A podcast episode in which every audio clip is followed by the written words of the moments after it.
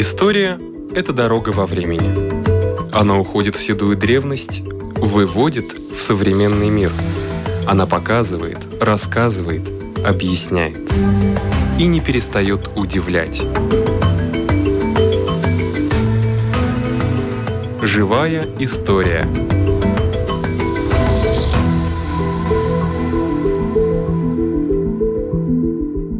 У микрофона Лидия Чера.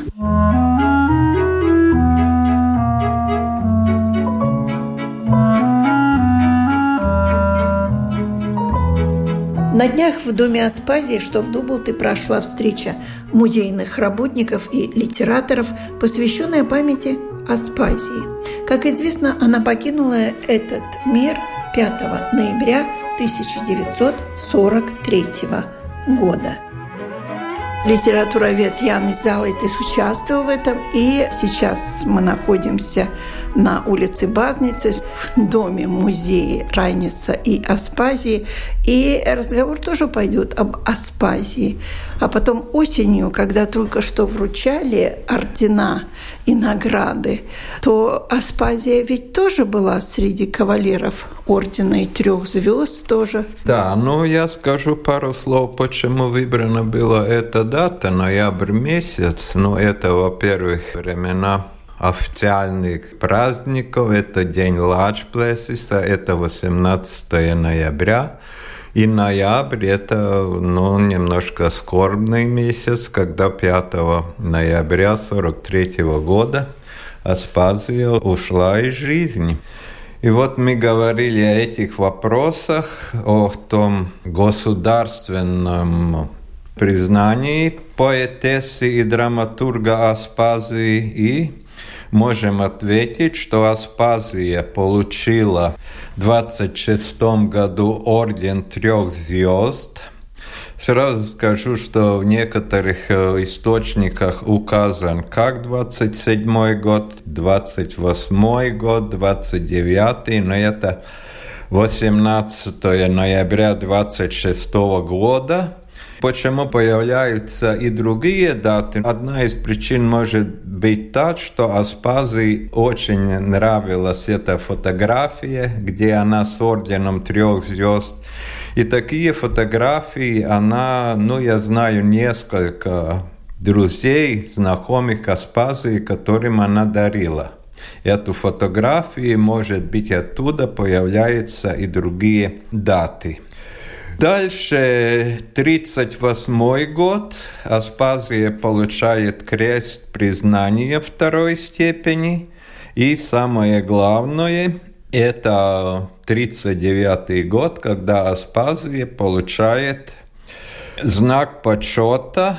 И я скажу пару слов, как этот приз, эта награда характеризуется в прессе того времени.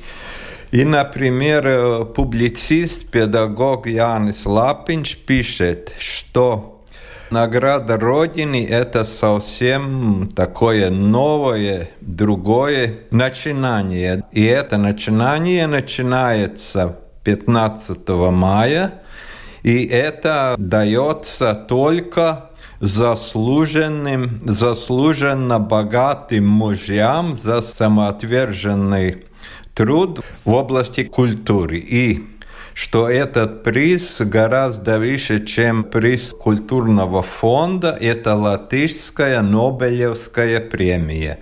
И это уже дает этот стабильный материал для жизни, так как сумма от 5 до 10 тысяч латов.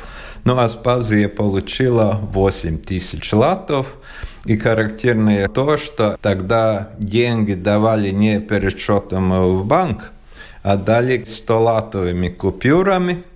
Это 1939 год. Большую часть этой суммы Аспазия, конечно, потеряла, потому что скоро уже 40 год, когда ценность лата уже уменьшилась. Ну и говоря о ордене трех звезд, в чем тут немножко проблема? Не забудем, что Аспазия в свое время был и политическим деятелем. Она была депутатом учредительного собрания.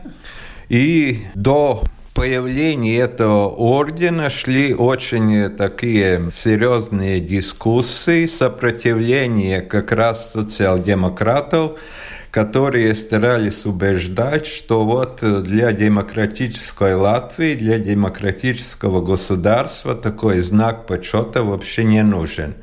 Ну и немножко парадоксально то, что Несмотря на это, многие социал-демократы, в том числе Янс Райнис, который в 25 году один из первых получил этот знак почета, как бы несмотря на эти сопротивления, возражения социал-демократов, этот знак почета получили.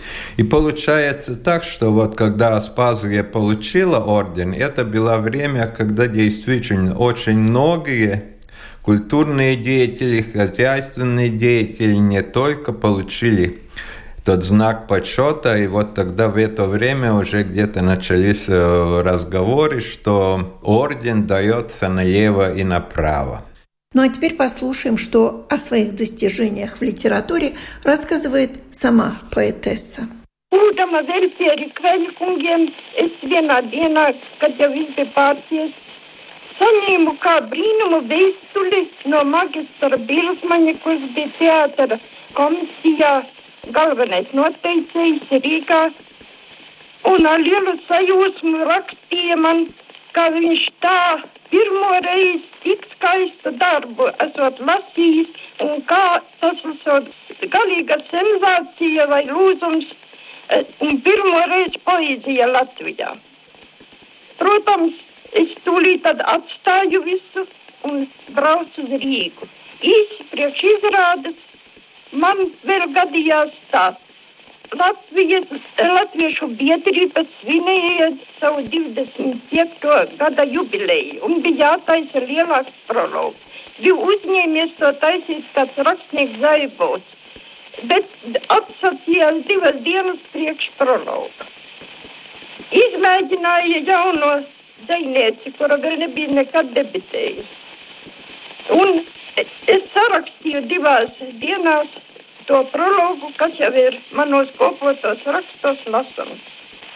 Un tas tā sajūsmināja un aizgraba publiku, kā pat mācītais, sirmais mācītais kundziņš pienāca man klāt, saķēra man abām rokām un teica ar asarām acīs, teica, brīnum bērns, vai tiešām paši esiet to rakstījuši.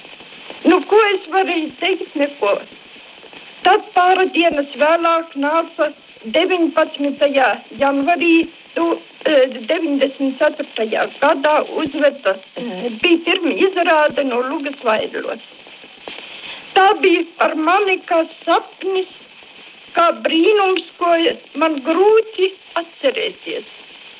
Es tiku ar puķiem, tā sakot, abērta, pēc katra cēliena izsaukta un vēl dāvanas dabūju, zelta aproci.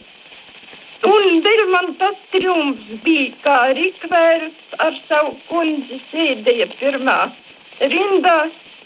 Nāca man klātīs, jums taču taisnība, jūs esat mani uzvarējuši. Un tad, kad es pārgāju mājā, un mana mazā istabiņa, kas īstenībā bija tikai gultas vieta, bija tik pilna ar puķiem. Un tad, kad es gulēju starp iecimtiem un dzeltenajām un sarkanajām rozēm viscauri, tad es raudāju. Es raudāju aiz prieka. Jo aiz bēdām un nelaimes es esmu lepna un spītīga un nemēdzu raudāt Bet tad es raudāju. Un tās bija tik karstas asaras, kā restikās. Es neesmu raudātāja.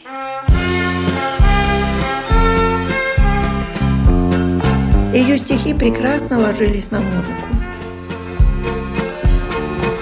Stāvdzīnas zaļā ielējā, kur redzams ūdens kritums, tie naktī vienā laidienā skan dzīvu Turim, tums, turim mūžam rakti, klip, klapīr, kuram elde sākšu klēju pīr un rīko savus ļaudis.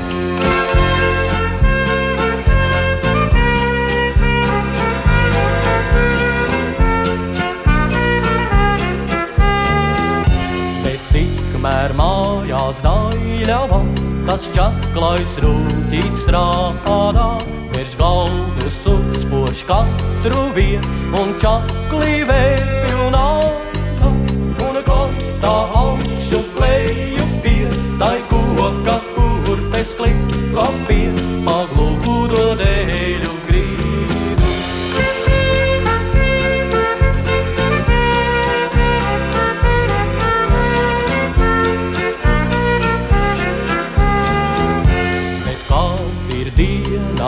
vakarā un dienas darbi beidzas. Pie dārza vārtiem un malā tā mani satic steidzas. Un katrai rokas tur ciet, tad sirds mums abiem klik klapī. Ak, tā vaļā meldera meiti. Un katrai rokas tur ciet, tad sirds mums abiem klik klapī. Magda, Paila, Mehel, Derame,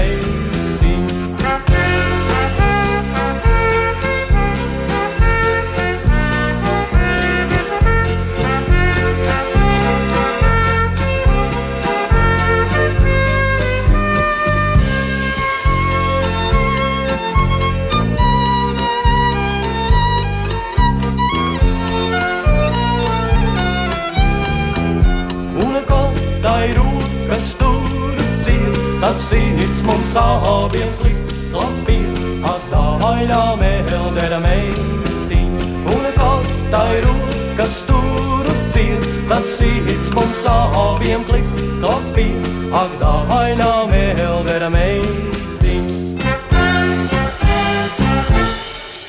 Ну, к 11 ноября практически можно увидеть, как выглядит орден Лачплесиса, даже трех звезд в Национальном государственном музее истории Латвии. Но вот знак почета что-то я не помню.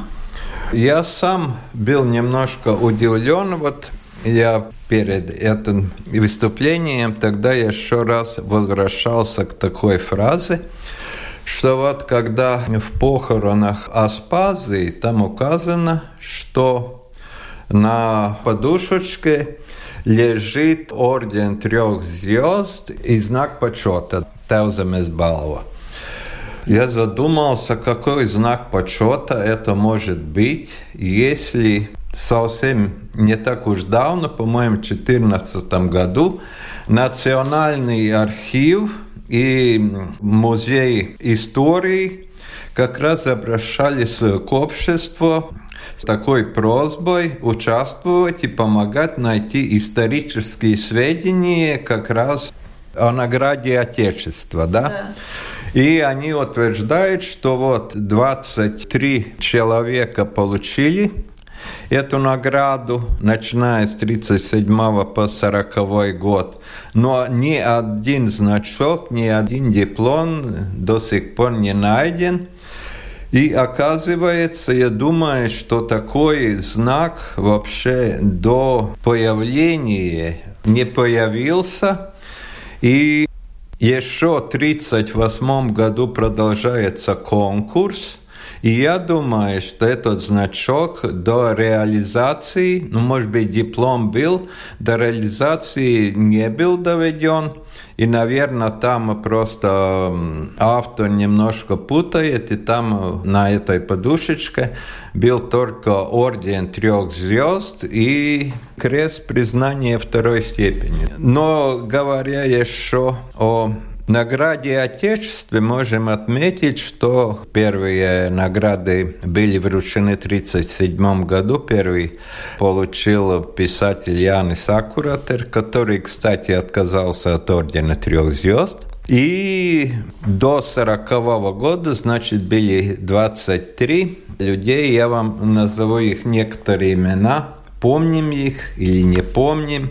Вот 37 год это Янис Акуратерс, это актриса Милда Брехмане Штенгеле, певец Адольф Кактинч, актер, режиссер Алексис Мировс, композитор Язепс Витос. Все Да, известные все известные люди, люди, да. да. 38 год это поэт, писатель Виллис Плудонис, поэт Эдвардс Вирза, художник Вилхелмс Пурвитис, ректор Академии, скульптор Kālis Zāle, языковед Петерис Шмидц, Херманис Энзинч, это брат Яниса Энзелина, mm-hmm. языковеда.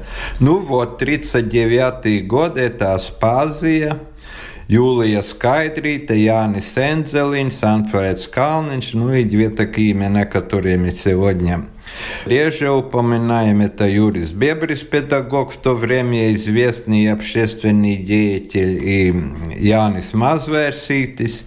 Ну и вот сороковой год, это Лудвиг Скунзинш, Аугуст Тентелис, Эйжен Слаубе.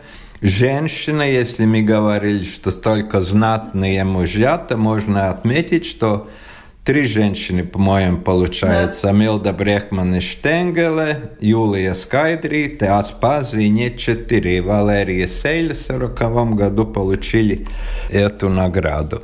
Ну, в то время говорили и еще после этого, что как бы одна из причин, почему Аспазия получила эту заслуженную награду, это его сборник стихов «Кайситас розes» вышедший в 1936 году, и где э, собраны стихотворения, написанные 33 по 36 год, и одна из первых, или первая глава этого сборника – под названием э, «Призыв гения» посвящена Карлису Улманису.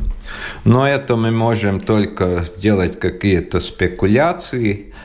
Было ли это так или не было, этому значения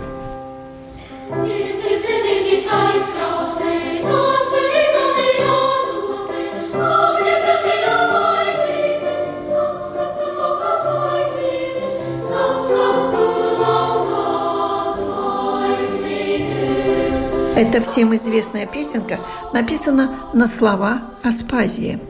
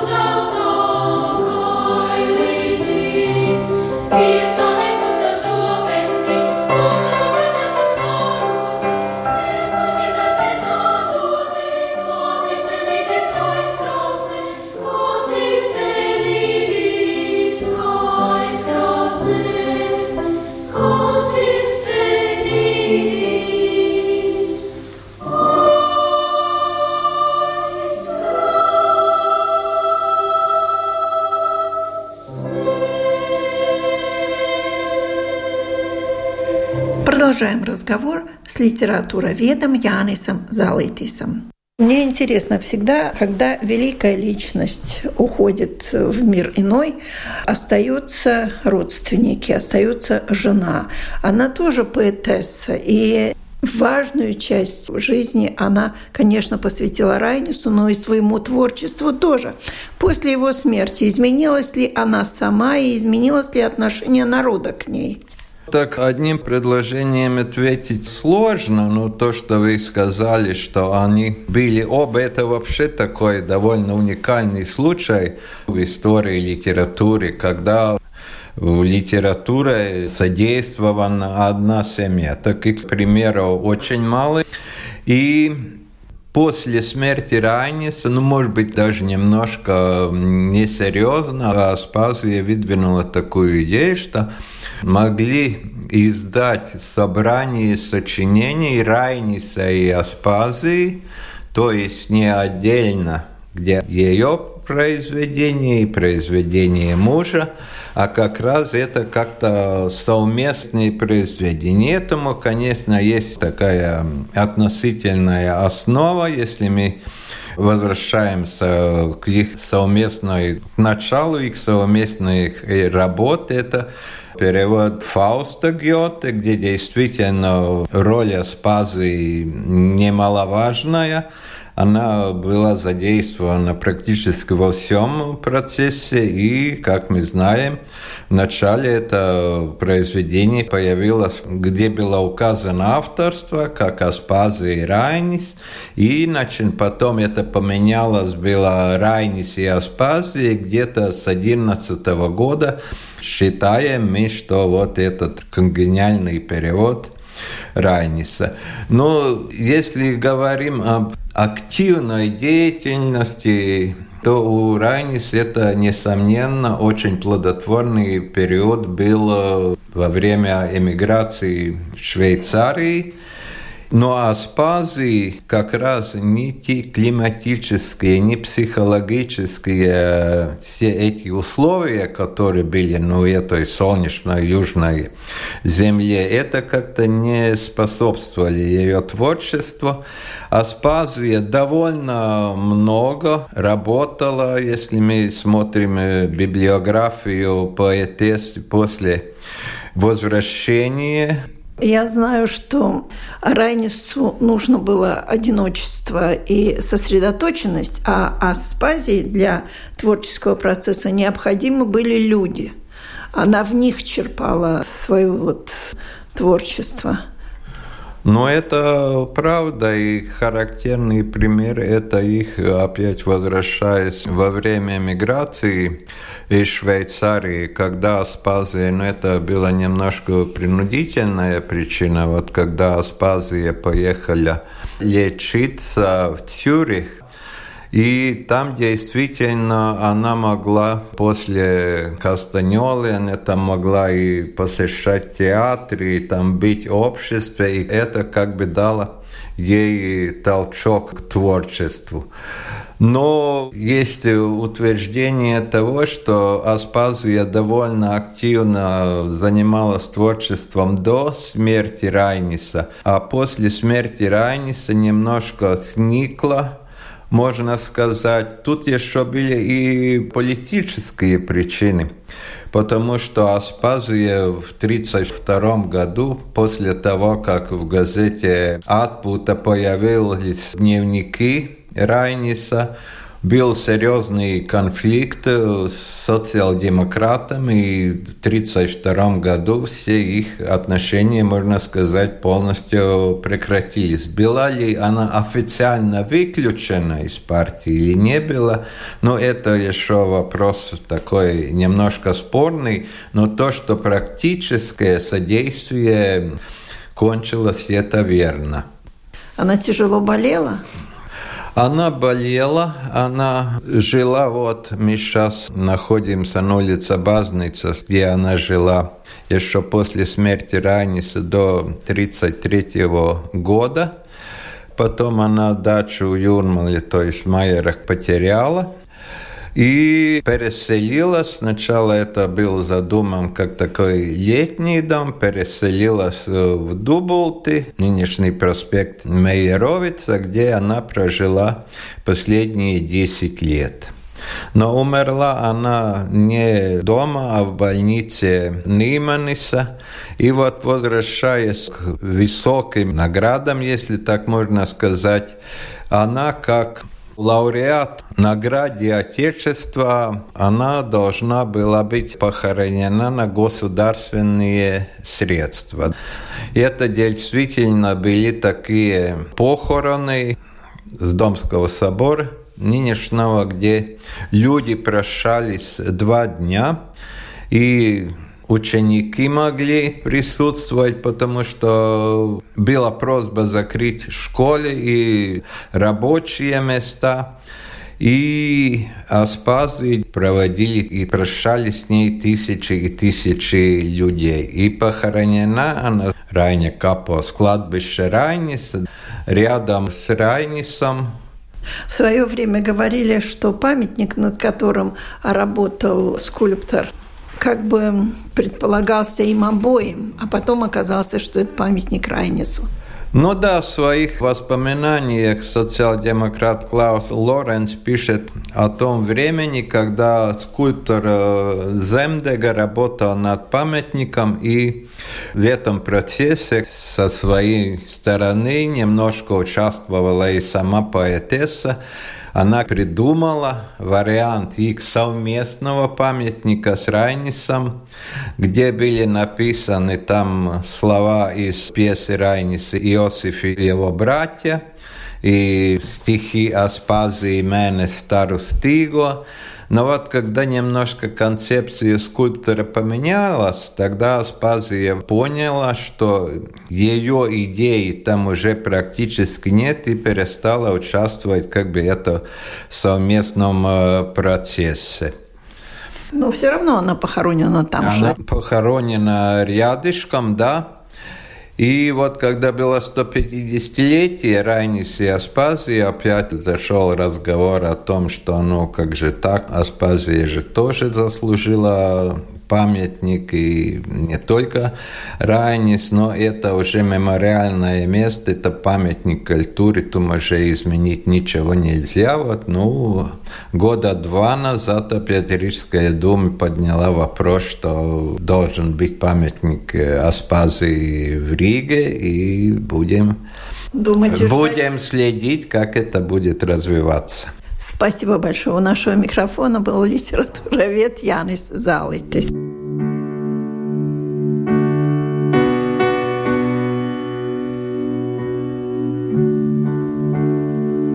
Не обошел творчество Аспазии и маэстро Раймонд Паулс. Skaties, kur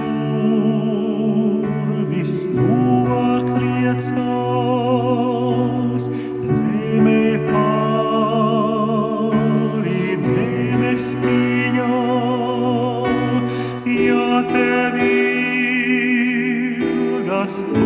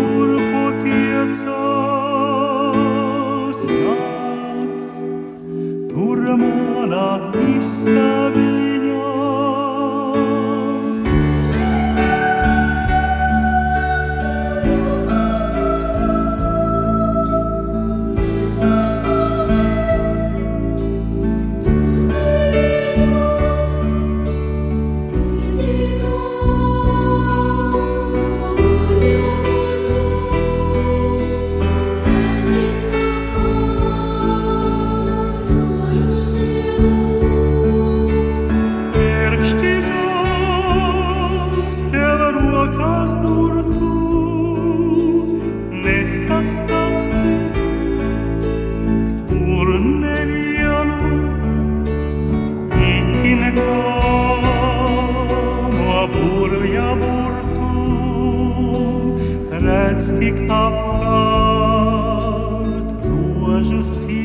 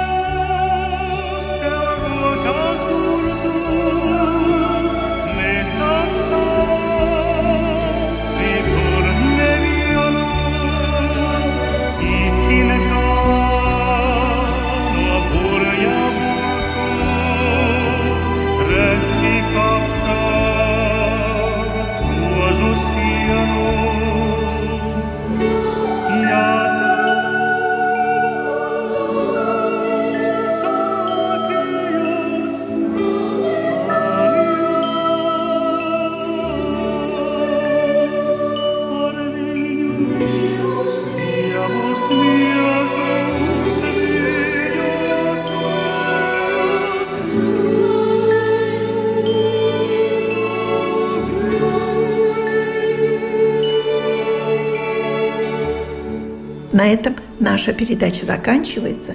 Всего вам доброго!